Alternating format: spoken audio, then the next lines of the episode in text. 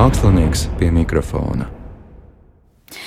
Anna Marta Burva ar jums sirsnīgi un mīļi sasveicinās šajā dienā.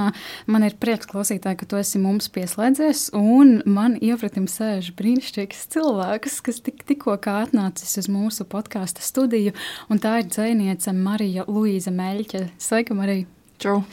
Es vēlētos mūsu sarunu iesākt ar jautājumu, kas, protams, ir saistīts ar to, kas notiek pasaulē, un konkrētāk arī Ukrajinā.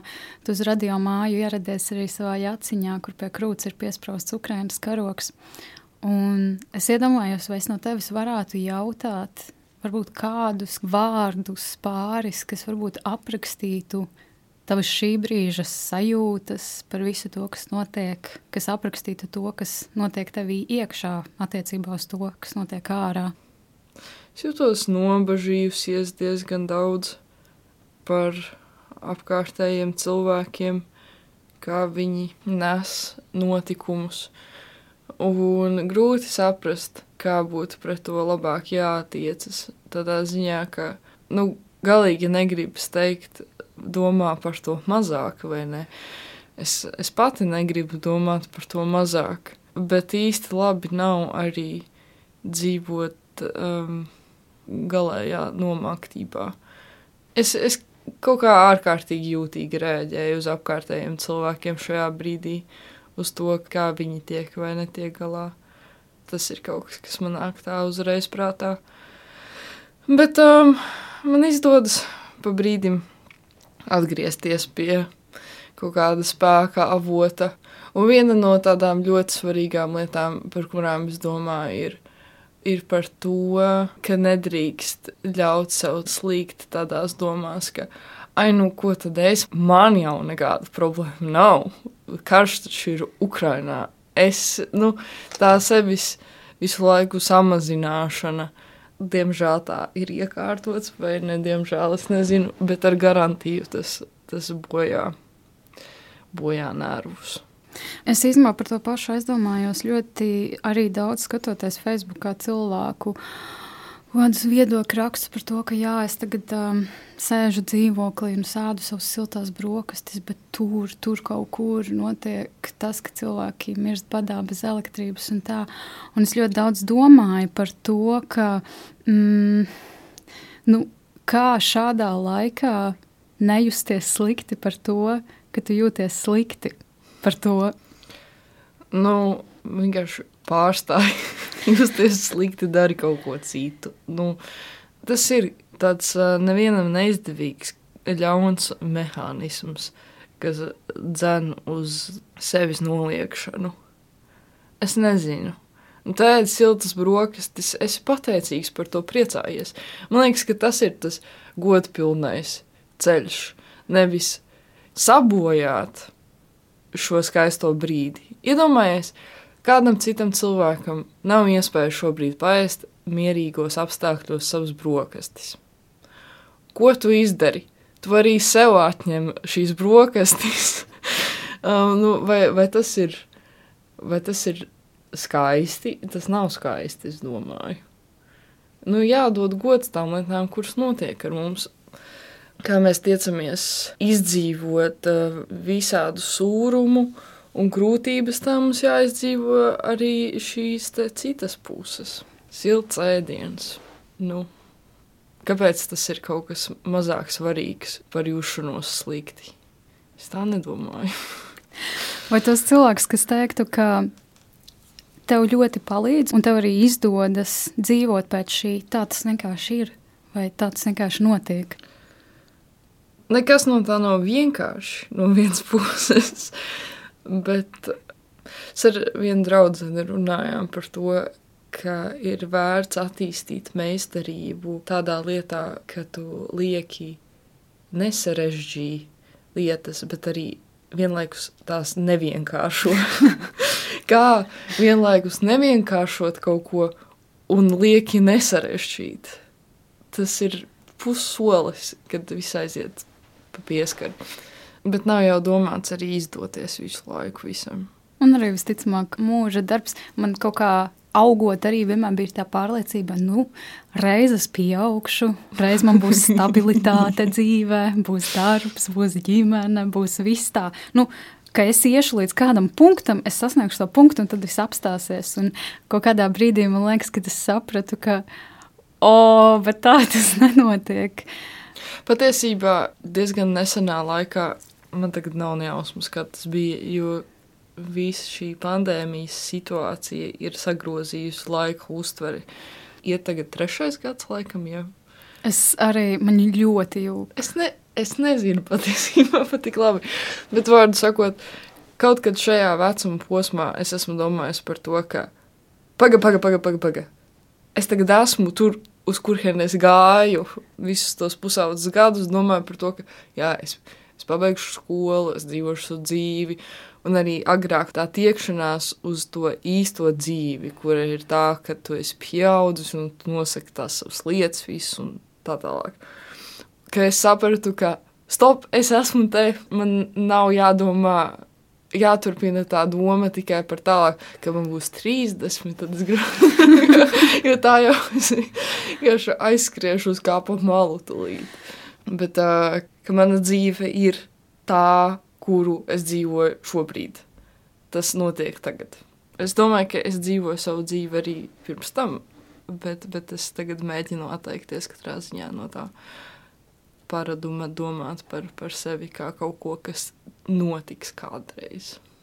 Man ļoti patīk tas tavs skatījums uz to visu, un arī tad, kad mēs ar tevi tikāmies Franču maiznīcā. Mēs, Ak, mēs... jau kā diena. Vai nebūtu jauki, ja būtu tagad blakus krosāniņš. Mēs runājām par to. Kamēr citur pasaulē cilvēki cieš no bāda. Cik jauki būtu, ka mums būtu krosāni. Es Kā domāju, es varētu tā būt jauki patiesībā. Kā es varētu tā pateikt? Nu jā, un mēs ar tevi iepazināmies, padalījāmies viena ar otru, un man ļoti uzrunāja tava filozofiju uz arī garīgās veselības lietām. Un es tev vēlētos šajā sakarā jautāt šobrīd, Kā tu attiecies pret šo garīgo veselību, ko mēs bieži vien dzirdam, nu jā, garīgās veselības problēmas? Tas ir kaut kāds trīs galvains sunis, cerbers vai trīs rozes, kurām ir mazi dzelksnīši, vai tu neskaties tādos lielumos, ka tas varbūt ir kaut kas priekš tevis pilnīgi parasts? Es neteiktu, ka pilnīgi parasts, bet uh, tāda nozīmīga attieksme, kuru es esmu attīstījusi tagad, nesenākā laikā, ir par to, ka bieži šie traucējumi, manā gadījumā tā ir bijusi trauksme ar paniku un depresijas epizodēm, kā to nosauca ārsts, kad man bija 15 gadi. Ka īstenībā tie ir bieži vien tādi pārprasti, labi impulsi ka tas nav tāds ļaunums, kas pārņem cilvēku. Es esmu daudz sarunājusies par šādām lietām ar citiem, un arī pati domājusi par to, ka it kā ka pārņem prātu kaut kas. Un arī nosodījusi šo trauksmi, ka, ak, ja, ja man nebūtu trauksmes, es varētu tur labāk iekļauties visās norisē, izdarīt savus darbus un, un, un tā tālāk. Bet nedaudz pašķetinot to, kas tad ir tā dzīve, kuru it kā es esmu vēlējusies, kas būtu bez trauksmes, tā bieži vien ir nozīmējusi, ja man nebūtu trauksmes, tad es varētu vienkārši neko nejust un pakļauties visam, ko citi cilvēki vēlas, un izdarīt tā, kā no manis sagaida, un nemaz nedomāt par to, kā es jūtos. tā kā ir bijusi tāda ļoti uzskatāma izpausme šai iekšējai pretestībai, kas ir izpaudusies raudāšanā, un tajā, ka sītas sirds un trūkst telpas, un neko nevar saprast. Nu, ka it kā ir šis afekta stāvoklis, kurā ir apmāts prāts. Man ir nācies pievērst tām lietām uzmanību. Jo tas jau ir pakāpeniski līdz tam attīstījies arī laika gaitā. Un īstenībā bieži vien šādas lietas notiek aiz tā, ka maigākiem signāliem nav pievērsta nekāda uzmanība. Ir uh, jāciena tas, kā tu jūties slikti. un tu nevari vienkārši tam iet garām, jo tu ies, ies, ies tam garām. Labi, man tas ir izpaudies trauksmē, panikas lēkmēs un depresijas epizodēs, kā tas viss ir nosaukts formāli. Nu, kādam citam cilvēkam tas var attīstīties vēdera problēmās. Nu, mēs esam atšķirīgi. Bet, jā, nu, nevajag par zemu novērtēt to brīdi, kurā tu jūties nelāgi. Un, lūk, un caur šo es esmu pārskatījusi domāšanu par šīm mentālās veselības problēmām, ka tā nav tāda skāde, tāda kroplība kaut kāda iedzīmata. Ka, ak, nu, jā, cik žēl, ar mani vienkārši mēdz notikt šāds lietas. Nav tā, ka tas tā vienkārši mēdz notikt. Nokrīt no debesīm. Nokrīt no debesīm. Kā tad tā? cilvēks, cilvēks, bet tad ar viņu šitā. Nu, nē. tam ir iemesli, tam vienmēr ir iemesli. Un viņus ir grūti uztvert vienmēr. Un tur, tur sākas šis drausmīgais satraukums, un nevar uzreiz uztaustīt bieži vien, par ko tas tagad notiek. Jo tas arī kļūst groteski diezgan galvā, ka liekas, ka es nemaz nepārdzīvoju par šo konfliktu tur ar vienu vai otru cilvēku, bet ka es pārdzīvoju par tādām. Es pārdzīvoju vienkārši, ka es esmu neizdevies cilvēks, un ka visiem ir tik daudz sliktāk, un man vajadzētu izolēt sevi no sabiedrības un attīstīt savus talantus, un tikai aizsūtīt tā augļus pa pastu pa laikam. um, un arī sliktāk. Nu, tas, tas iet arī um, uz tādu konkrētu vēlēšanos vienkārši pašiznīcināties. Un arī kaut kādās jocīgās, groteskās, vizuālās vīzijās. Teiksim, kad man nerodas šādas idejas visādas prātā, tad man vienkārši kļūst slikta duša, es gribu vēmt, nu, ka tas aiziet ķermeniskā pārdzīvojumā. Bet tam ir nepieciešams izpausties tām lietām ir nepieciešams izpausties. Un tad, kad viņas novada tik tālu, tad viņas izpaužas tādā veidā. To ir grūti pieņemt, bet tā tas ir. Un labāk to pieņemt nekā vēl tajā brīdī, kad jau tā ir slikti, vēl uzgāzt sev ledus spaini uz galvas ar to, ka Un, protams, princesei tagad atkal viss ir par grūtu, atkal viņai ir jāraud. nu, ka šausmas draudzenī taču atslābst vienreiz. Atbalsta sevi nedaudz. Es īstenībā vēlos tev Es vienmēr saku īstenībā. Es vakar tieši montēju jaunāko epizodi, un es visu sāku ar es īstenībā. Bet nu, redzi, nu, un, nu, tu tā saki šobrīd. Bet tagad... uzmācīgi klausīt. Zin kā, klausītājiem tomēr ir grūti, tad, kad tu neredzi to cilvēku. Man liekas, uh mhm. -huh. audiāli ir tā kā, nu, zin kā, ka vienreiz pasaka, nu, ok, divreiz pasaka, ok, un trešo reizi ir tāds. Bet redzi, tu arī tagad par to pārdzīvo. Jo man ir, ir divi varianti. Vai nu vienalga, ka tu saki īstenībā visu laiku, tas var papildināt tavu tēlu, ja tu vēlies. Otrs variants, tu vari vienkārši izmontēt ārā visu īstenībā. Bet šobrīd tev ir kaut kāds liekas stress par to, un tu uzreiz reaģē uz to, ka, ah, es pateicu atkal īstenībā, un tu pazaudē ko tu te grasījies darīt vispār. Tev ir taisnība, Jā. un es šajā sakarā, to, ko tu man, mums pirmīt stāstīji par to ļoti, nu, tas man principā saistās ar tādu lielu jūtīgumu, vai ne, ka notiek kaut kāds impulss dzīvē, un tas var atsaukties vai nu uz tavu domāšanu, vai arī pat ķermenis, ko tu minēji par to slikto dušu, kas man ir arī ļoti pazīstama. Es savā sakarā arī bieži vien esmu domājusi, un man ļoti ilgi ir bijis grūti pieņemt to, ka es esmu ļoti, ļoti jūtīgs cilvēks un iespējams vēl vairāk jūtīgs kā, nu, es nezinu, vidēji. Vai tu par sevi arī tā varētu teikt, ka tev ļoti daudzas, vai nu tās ir maņas, vai arī kaut kādas reakcijas ir vienkārši ļoti jūtīgas? Pāris citās sarunās ir attīstījies šāds salīdzinājums. Āda ir aizsargslānis mums. Un liekas savādi, ka āda ir ir tik jūtīga, jo it kā tā ir tā pati virskārta, pret kuru var viss sisties un sargā jau to, kas tur ir apakšā. Bet uh, tieši tāpēc, ka āda ir jūtīga, viņa sargā. Tas ir tas, kā šī sargāšana izpaužas. Tas spēks ir šajā jūtībā. Un cilvēkam nekad nevajadzētu vēlēties just mazāk, jo tādā veidā viņš pieļauj, ka var ļaunas lietas arī notikt, ka, ka tas aiziet uz dziļākiem audiem līdz iekšējiem orgāniem un vispārējo. Ja tu nejūti, tad tu sevi nesargā. Un ar tevi, tev aiz muguras, it kā var notikt daudz kas ļoti slikts.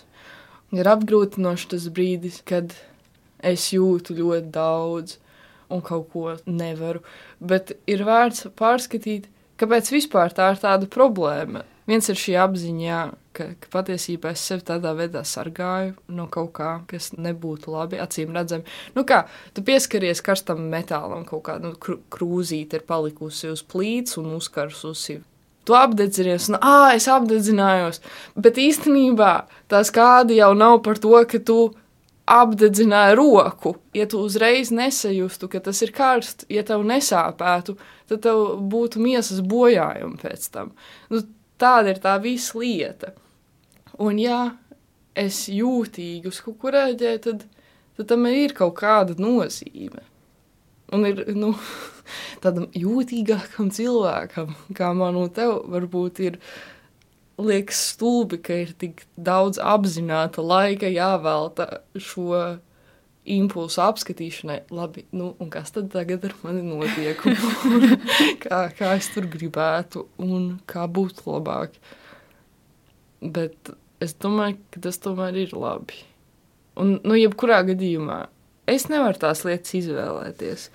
Es esmu, kas es esmu. Nu, tā ir tādā ikdienas sadzīvē, tas ir lāsts, bet tā ir arī dāvana. Un, uh, un vai es arī dzīvoju savu dzīvi, lai visiem būtu pēc iespējas ērtāk ar mani? Nu, nē, es esmu vienkārši es, un tāpēc ir vērts, nu, es, redzi, es tagad arī ķidāju savu sakāmo, un es tagad saprotu, ka es visu laiku atkārtoju, ir vērts, tev un to ir vērts, un tad man pielipināja. Atvaino, no lūdzu. es tagad arī kā, noteikti visu dienu kritizēšu, cik daudz kurus vārdus es lietoju. Bet, zini, man bieži vien bija tā, ka es jūtu, ka es no viesiem tā kā uzsūcu gan viņu kaut kādas izrunas, Jā. gan būtību, un acīm redzot, tev notika līdzīgi. Tas ir, tas ir interesanti skatīties spogulī. Tur mums ir arī tā aizsarga plastmasa, tāpēc mēs varam. Tāpēc es vienlaikus redzu tevi un mazliet savu atspulgu. Es arī. Bet varbūt tas ir viens un tas pats. Ko var zināt? Ņemot vērā to, ka mm, kaut kā mēs esam nostabilizējuši to, ka mēs esam ļoti līdzīgi.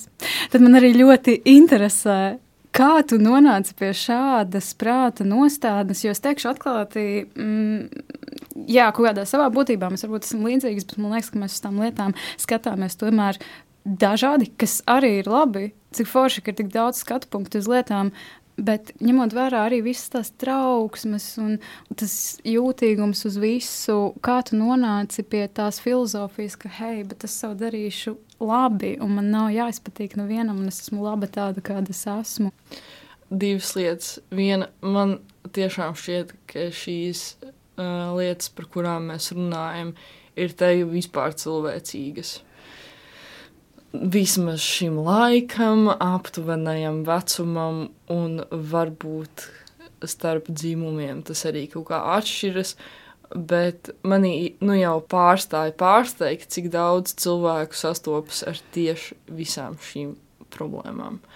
Bet uh, otra puse, kā es to tā izlēmu, es pusaudzes gados lietoju medikamentus, lai kontrolētu šīs izpausmes un kaut kādās aptuvenās robežās tas arī tika ievietots.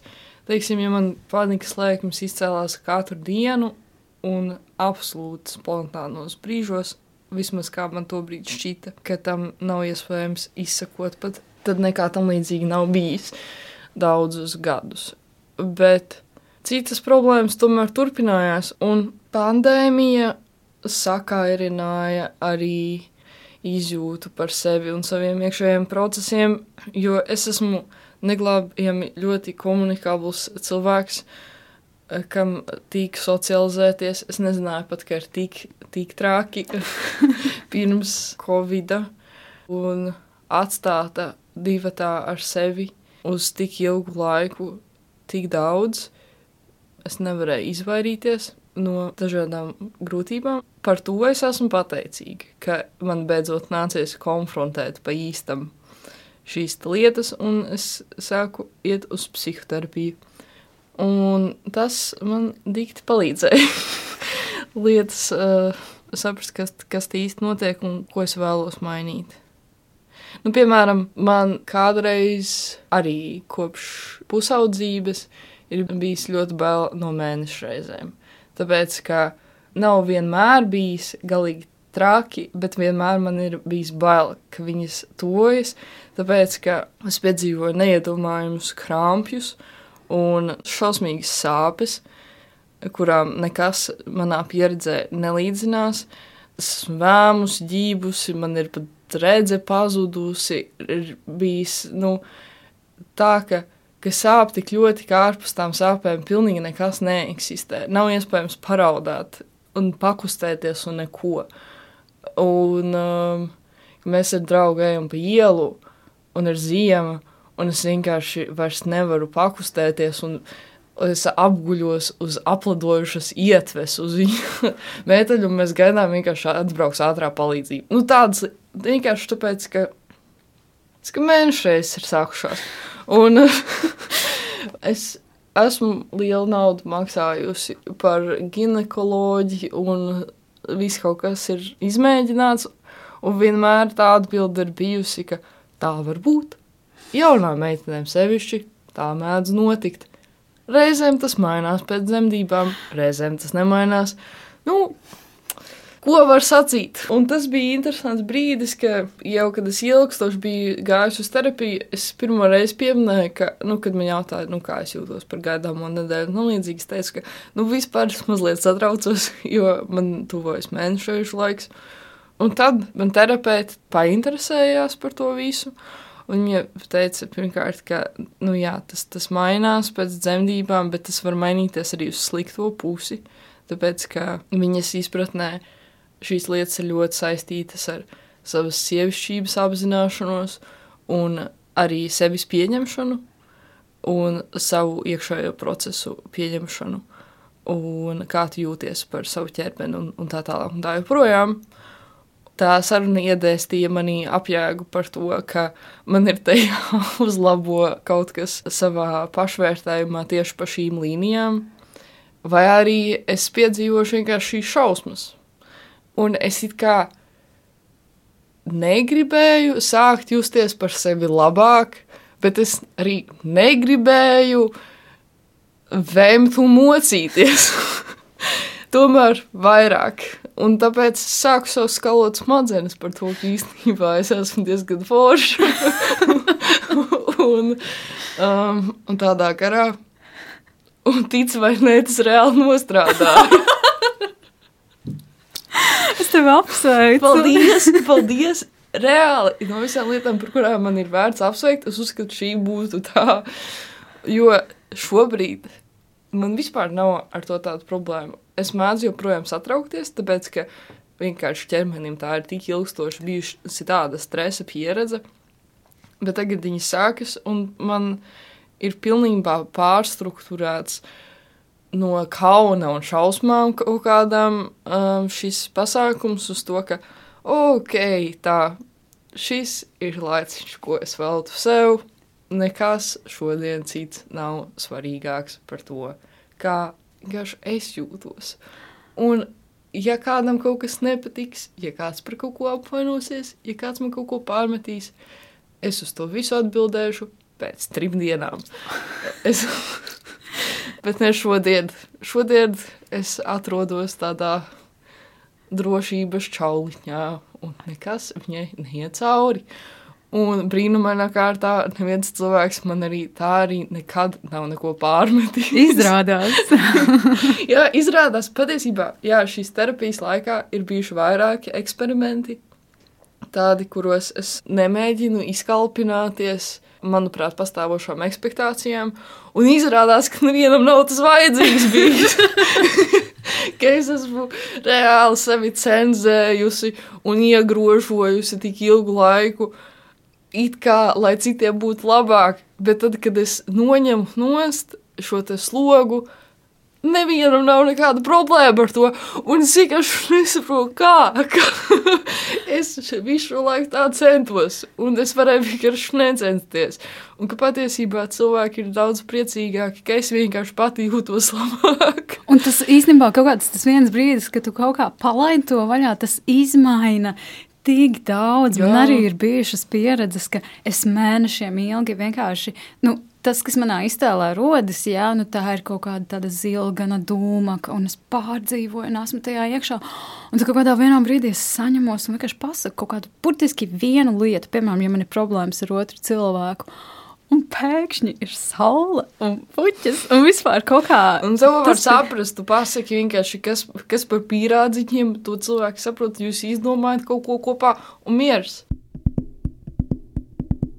Mēs runājām daudz par tavu pieredzi, jā, tīri par taviem iekšējiem procesiem, kas attiecas arī uz terapiju un tā. Es vēlos tev jautāt, kāda ir tava attieksme pret taviem procesiem tieši mākslā, tieši jā, šajā dzējā, ar ko tu nodarbojies primāri? Man ar dzēju nav problēmu. Man ir visādas problēmas dzīvē, ar dzēju man nav problēmu. Man ir labas attiecības ar dzēju. Un patiesībā daudz tādu prātīgu lietu es esmu sapratusi par dzēju, pirms es esmu šīs pašas lietas sapratusi par arī savu dzīvi. Kā piemēram, kaut kas neizdodas, tad to baigi neņem pie sirds un vienkārši raksta nākamo un iet uz priekšu. Nu, kaut kāds tāds vieglums tur vienmēr ir pastāvējis. Bet ir dažādi citi ar darbu, kultūrā saistīti procesi. Un ne tikai, piemēram, es arī mēģinu studēt Mākslas akadēmijā, glaznotājos. Man bija divi akadēmiskie gadi, tagad es trešo reizi mācos pirmajā kursā un man ļoti patīk Mākslas akadēmijā. Bet mēģināšana zīmēt un glaznot ir bijusi ļoti apgrūtināta man ilgstoši ar lielu iekšējo spriedzi, kas ir bijusi trauma visticamāk no iepriekšējās mākslas izglītības, kurā ir labi gribot, protams, bet ļoti uzstāts uz to, ka man nekas nesnāk un neizdodas, un es neko nemāku darīt. Un, un tāda apziņa man ļoti elpo uz pakauša, ka es nemāku un nesaprotu. Un, teiksim, pavisam nedaudz pusotru mēnesi es mācījos dramatiskā teātra aktieru mākslu, vai kaut kā tā to sauc. Un tas bija ļoti īsts brīdis, tāpēc ar to man ir nedaudz labāk. jo es, es mēdzu mm, filmēties šur tur vai spēlēt, un tur es tā arī drusku apzinos, ka nu, es īsti neprotu šitā un tā izdarīt. Un, uh, Katrā ziņā man ir tā apziņa par to, ka es neesmu ieguvusi šo izglītību savukārt. Bet tas ir tā pavisam nedaudz. Tas man kopumā netraucē dzīvot. Savukārt, dzēju es nekur neesmu mācījusies. Es esmu brīvs cilvēks. Es varu vienkārši, vienkārši rakstīt. Tāpēc, ka neviens nav man mēģinājis paskaidrot, ka es neko neēdzu, vai paskaidrot, ka šis viss ir ārkārtīgi sarežģīti un ļoti grūti, un tev ir katru dienu ļoti daudz jāstrādā, lai tu vispār kaut ko varētu, un arī to tu varēsi tikai pēc 30 gadu vecuma. Neviens man nav mēģinājis neko tādu paskaidrot, un tad es varu vienkārši vesā mierā rakstīt. Bet, um, bet to, ko es esmu mācījusies, tas ir grūtāk. Taču ir arī kļuvis mazliet vieglāk uh, arī ar to, kas ir grūti kopš šā brīža, kad es izvēlējos pārstāt mocīties vispār. Un tas ir kaut kas, pie kā man ir jāatgriežas teju vai katru dienu, bet man ir kur atgriezties. Man nav no jauna tajā jānokļūst. Es vairs nemokos. Es atsakos mocīties. Un tādos brīžos, arī kad man tur elpojas pakaušu, nezinu kas, un es sāku izjust šīs šausmas par to, ka, jā, es neko nemāku, un tā tālāk. Tad es domāju, labi, es nemāku, ok, jā, es nemāku. Lai nu būtu. Bet es tāpat viņu zīmēšu tagad, ok? nu, ka tas nav. Nu, vai re, kur tas man nesanāca? Nu, man nesanāca. Nu, bet, bet vienkārši man princips, es tagad nemokos. Tāpēc, ka tad, kad es mokos, man kļūst slikti. Un kad man kļūst slikti, tad no tā cieši viss mana darba kapacitāte, manas attiecības ar apkārtējiem cilvēkiem, viss, viss, viss ir slikti. Tad, kad es sāku mocīties par katru lietu, un tāpēc tā, ja jāparunā par mentālo veselību un mākslu, tad es varu pateikt, ka tā ir tāda stīga, kas tur pastāv. Bet šis arī ir lielisks uh, salīdzinājums ar to, mm, to domu, ka kaut kāda strādāšana ar sevi un sevis iepazīšana nekādā veidā nenozīmē, ka tu esi egoists un domā tikai par sevi. Tas... Ne, tas uzreiz atspēlējas uz visu, ko tu dari. Nu kā, nu tāpēc, ka tu esi visur, kur tu esi. Un tas, kādas tev ir attiecības ar sevi, neizbēgami tur izspēlējas. Un varbūt tā, ka cilvēks uz tā pamata, ka viņš ir šausmīgi kritisks pret sevi, izkopj ļoti augstu meistarību arī kaut kādās lietās, bet tad es nezinu. Es neesmu ārsts, ja, bet cik es esmu tā pamanījusi kultūras vēsturē, tad tie cilvēki baigi ilgi nenodzīvo. Kādas ir tavas attiecības ar hiperfokusu? Tāds, jā, es es to nebijis. tā vienkārši nosaucu, tāpēc ka tas šķiet gana labi aprakstoši kaut kas. Uh, Nu, nu man mēdz tā notikt diezgan dažādās izpausmēs, ka es pielīpu procesam, kādam, ar ko es nodarbojos, un netieku no tā vaļā. Un kas ir izpaudies ļoti arī tieši, piemēram, glaznošanā. Ka es glaznoju, glaznoju, glaznoju, un tad man kā viss sāk kriepties, bet es nevaru vienkārši apstāties. Es turpinu glaznot, un man kļūst fiziski slikti no tā, bet es nevaru sevi atdabūt nost, kamēr es neesmu. Grūti pateikt, kamēr es neesmu ko tieši, bet, bet sasniegus kaut kādu apmierinājumu ar to, kas, kas tur notiek. Bet tas nav tāda veida perfekcionisms, kas būtu tāds racionāls. Nu, ka es vienkārši gribu, lai šis ir tagad labi izdarīts. Tas saistās ar tādiem jocīgiem procesiem iekšējiem. Vai uz šo hiperfokusēšanos varētu arī skatīties no tāda aspekta, kā tāda galēja iedvesmošanās, kas pārņem tevi tajā brīdī? Un... Es domāju, ka to var romantizēt tādā veidā bet es izvēlētos to nedarīt. Vispār man ir, piemēram, arī teikts par trauksmi, ka tas tev ir tāds dotums un um, ka tas mākslinieciski nodara. Nu, kaut kā tā sakāpinātība un tā tālāk. Un es kā pirms tam stāstīju par to, ka es uzskatu, ka tās ir patiesībā labas lietas, bet tur ir nozīmīgi tas, ka tās patiesībā ir labas lietas, kā sākotnēji tās ir labas lietas, kuras ir sačakarējušās un tagad izpaužas tādā veidā. Un es noteikti nepriecājos par pāniku vai depresiju. Un es nedomāju, ka tā, tā ir tāda laba augsme, augsne, no kuras kaut ko ņemt ārā. Tā ir iespēja paskatīties atpakaļ uz tiem iepriekšējiem izlaistiem soļiem. Un es esmu izvēlējusies mazināt šīs pieredzes savā dzīvē, un tas ļoti nācis par labu. Un arī kaut kā tāda apsēstība mirklīga, kas var uzpeldēt ar kaut ko, ko es tur daru. Tas var būt arī kārtošanas procesi, kas tā ikdienā viegli izpaužas, ka es sakārtoju grāmatu plauktu bet man viņš ir jāsakārto tā, ka subjektīvi man šķiet, ka labi sadara gan grāmatu krāsas, gan pēc satura, um, gan pēc izmēra.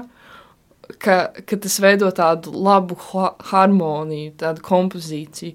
Un tas prasa ļoti daudz laika. Un, kad reiz esmu to izdarījusi, tad man ir vēl jāpārbauda no visiem punktiem istabā, vai arī no tiem šis grāmatu plaukts izskatās tipa ideāli.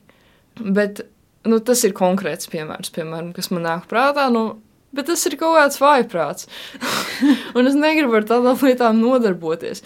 Es varētu it kā pieņemt to kā tādu savu feature, ka man ir nepieciešams, lai ir ideāls tas grāmatu plaukts pēc manas sajūtas. Bet es varu arī zināt, ka man ir viegli piedzīvot apsēstību ar to, un tad es varu tā ar dalītu uzmanību to darīt. Tiksim, paralēli kaut ko klausīties, vai, vai tikai tā apmēram paskatīties, kā es nolieku tās grāmatas tajā plauktā. Jo tad arī, kad tas grāmatu plaukts, piemēram, ir sakārtots, es dzīvoju savu dzīvi, viņš var sajukt, izjukt, un, un man ir pilnīgi vienalga par to. Tas vienkārši šī apsēstība ir uz to brīdi, un tas var notikt ar uh, glaznošanu, ar kurpju šņoru, šņorēšanu, tas var notikt ar pumpu spaidīšanu uz seju. Tas, tas ir kā kaut kas, kas vienkārši tā uznāk, un tad es varētu izdomāt, jā, ka, lūk, man ir ārkārtīgi sakāpināts tur iedvesmas brīdis, bet patiesībā es īsti nezinu, kas patiesībā tur notiek, bet uh, nu, ir viens veids, kā skaidrot tādus procesus, ka ar tādu pedantismu tu it kā mēģini kompensēt kaut kādu nekārtību citu, kuru tu nevari kontrolēt.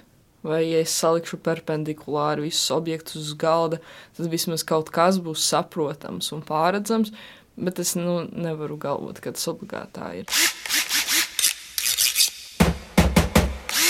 Mākslinieks pie mikrofona atpūšas. Es tev aizkadrā tikko teicu, ka varbūt mēs varam pievērsties pie atpūtas, un tu biji ļoti, ļoti priecīgi. Vai tas ir atpūta no šīs sarunas, vai vienkārši tas, ka tu ļoti, ļoti mīli atpūtu? es noteikti mīlu nedarīt neko. Bet atpūsties droši vien ir pat foršāk. Teiksim, es praktizēju pēc iespējas mazāk darīšanu.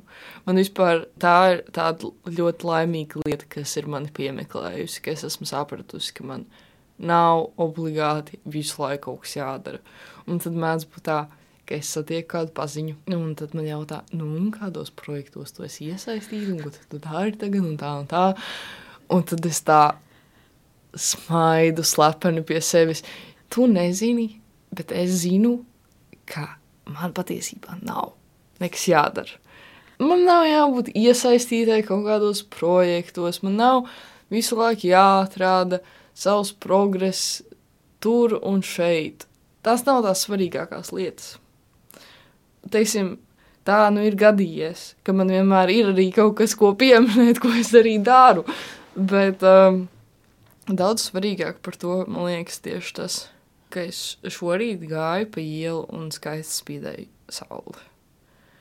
Droši vien, ka kaut kāda daļa darba un tās profesionālās dzīves ir nepieciešams, lai varētu noturēties tajā pietiekamībā. Bet um, es noteikti nedzīvoju darbam. Varbūt es dzīvoju atpūtai. Atpūtīsimies, lūdzu. Man, man ir dzīvē veicies ļoti ar draugiem. Man ir absolūti liela laime un prieks par cilvēkiem, kas ir man apkārt, ar kuriem uh, es draudzējos un arī šeit strādāju. Un, ja ir jādomā par tādu kaut kādu komforta stūri vai komforta kaut kādu lauku manā dzīvē, kas mani nenogurdina, tad, tad tie ir mani laika biedri. Es jūtos ar viņiem ļoti saistīta. Un ir bijis stipri skumdinošs šīs pandēmijas laiks tieši ar to, ka daudz kas ir pajucis, Un, teiksim, tagad, kad pat legāli var notikt brīvāk dažādi pasākumi, kaut kā paradums ar to nodarboties ir zudis. Un, ja kādreiz, piemēram, katru nedēļu notika nu, pēc sajūtas, gan jau ka ne burtiski katru nedēļu, bet nu, bez mazai katru nedēļu notika viena vai cita veida ar dzēju saistīts pasākums. Nu, tagad arī ir dažādas tur, diskusijas un konferences un viss kaut kas internetā, bet tas ir pavisam citādi. Tad šobrīd tas tā nenotiek. Un man ir gadījies satikt uh, pie veikala biedrus, literātus un saprast, pats. Es taču jūs neesmu redzējusi trīs gadus tagad. nu, un es neesmu viņus satikusi, tāpēc, ka mēs neesam tā draugi ārpus šiem literatūras notikumiem. Bet patiesībā nu, man ir bijis nozīmīgi, nu, ka tie ir notikuši, un es esmu sastapusi šos cilvēkus. Kā ir daudz, daudz ļoti brīnišķīgu cilvēku apkārt. Daļa no tiem ir tiešām mani draugi, un man par to ir milzīgs prieks. Bet arī tie cilvēki, ar kuriem man sanāk sastapties tikai tad, kad, kad notiek kaut kādi kultūras pasākumi, par viņiem es arī ļoti priecājos.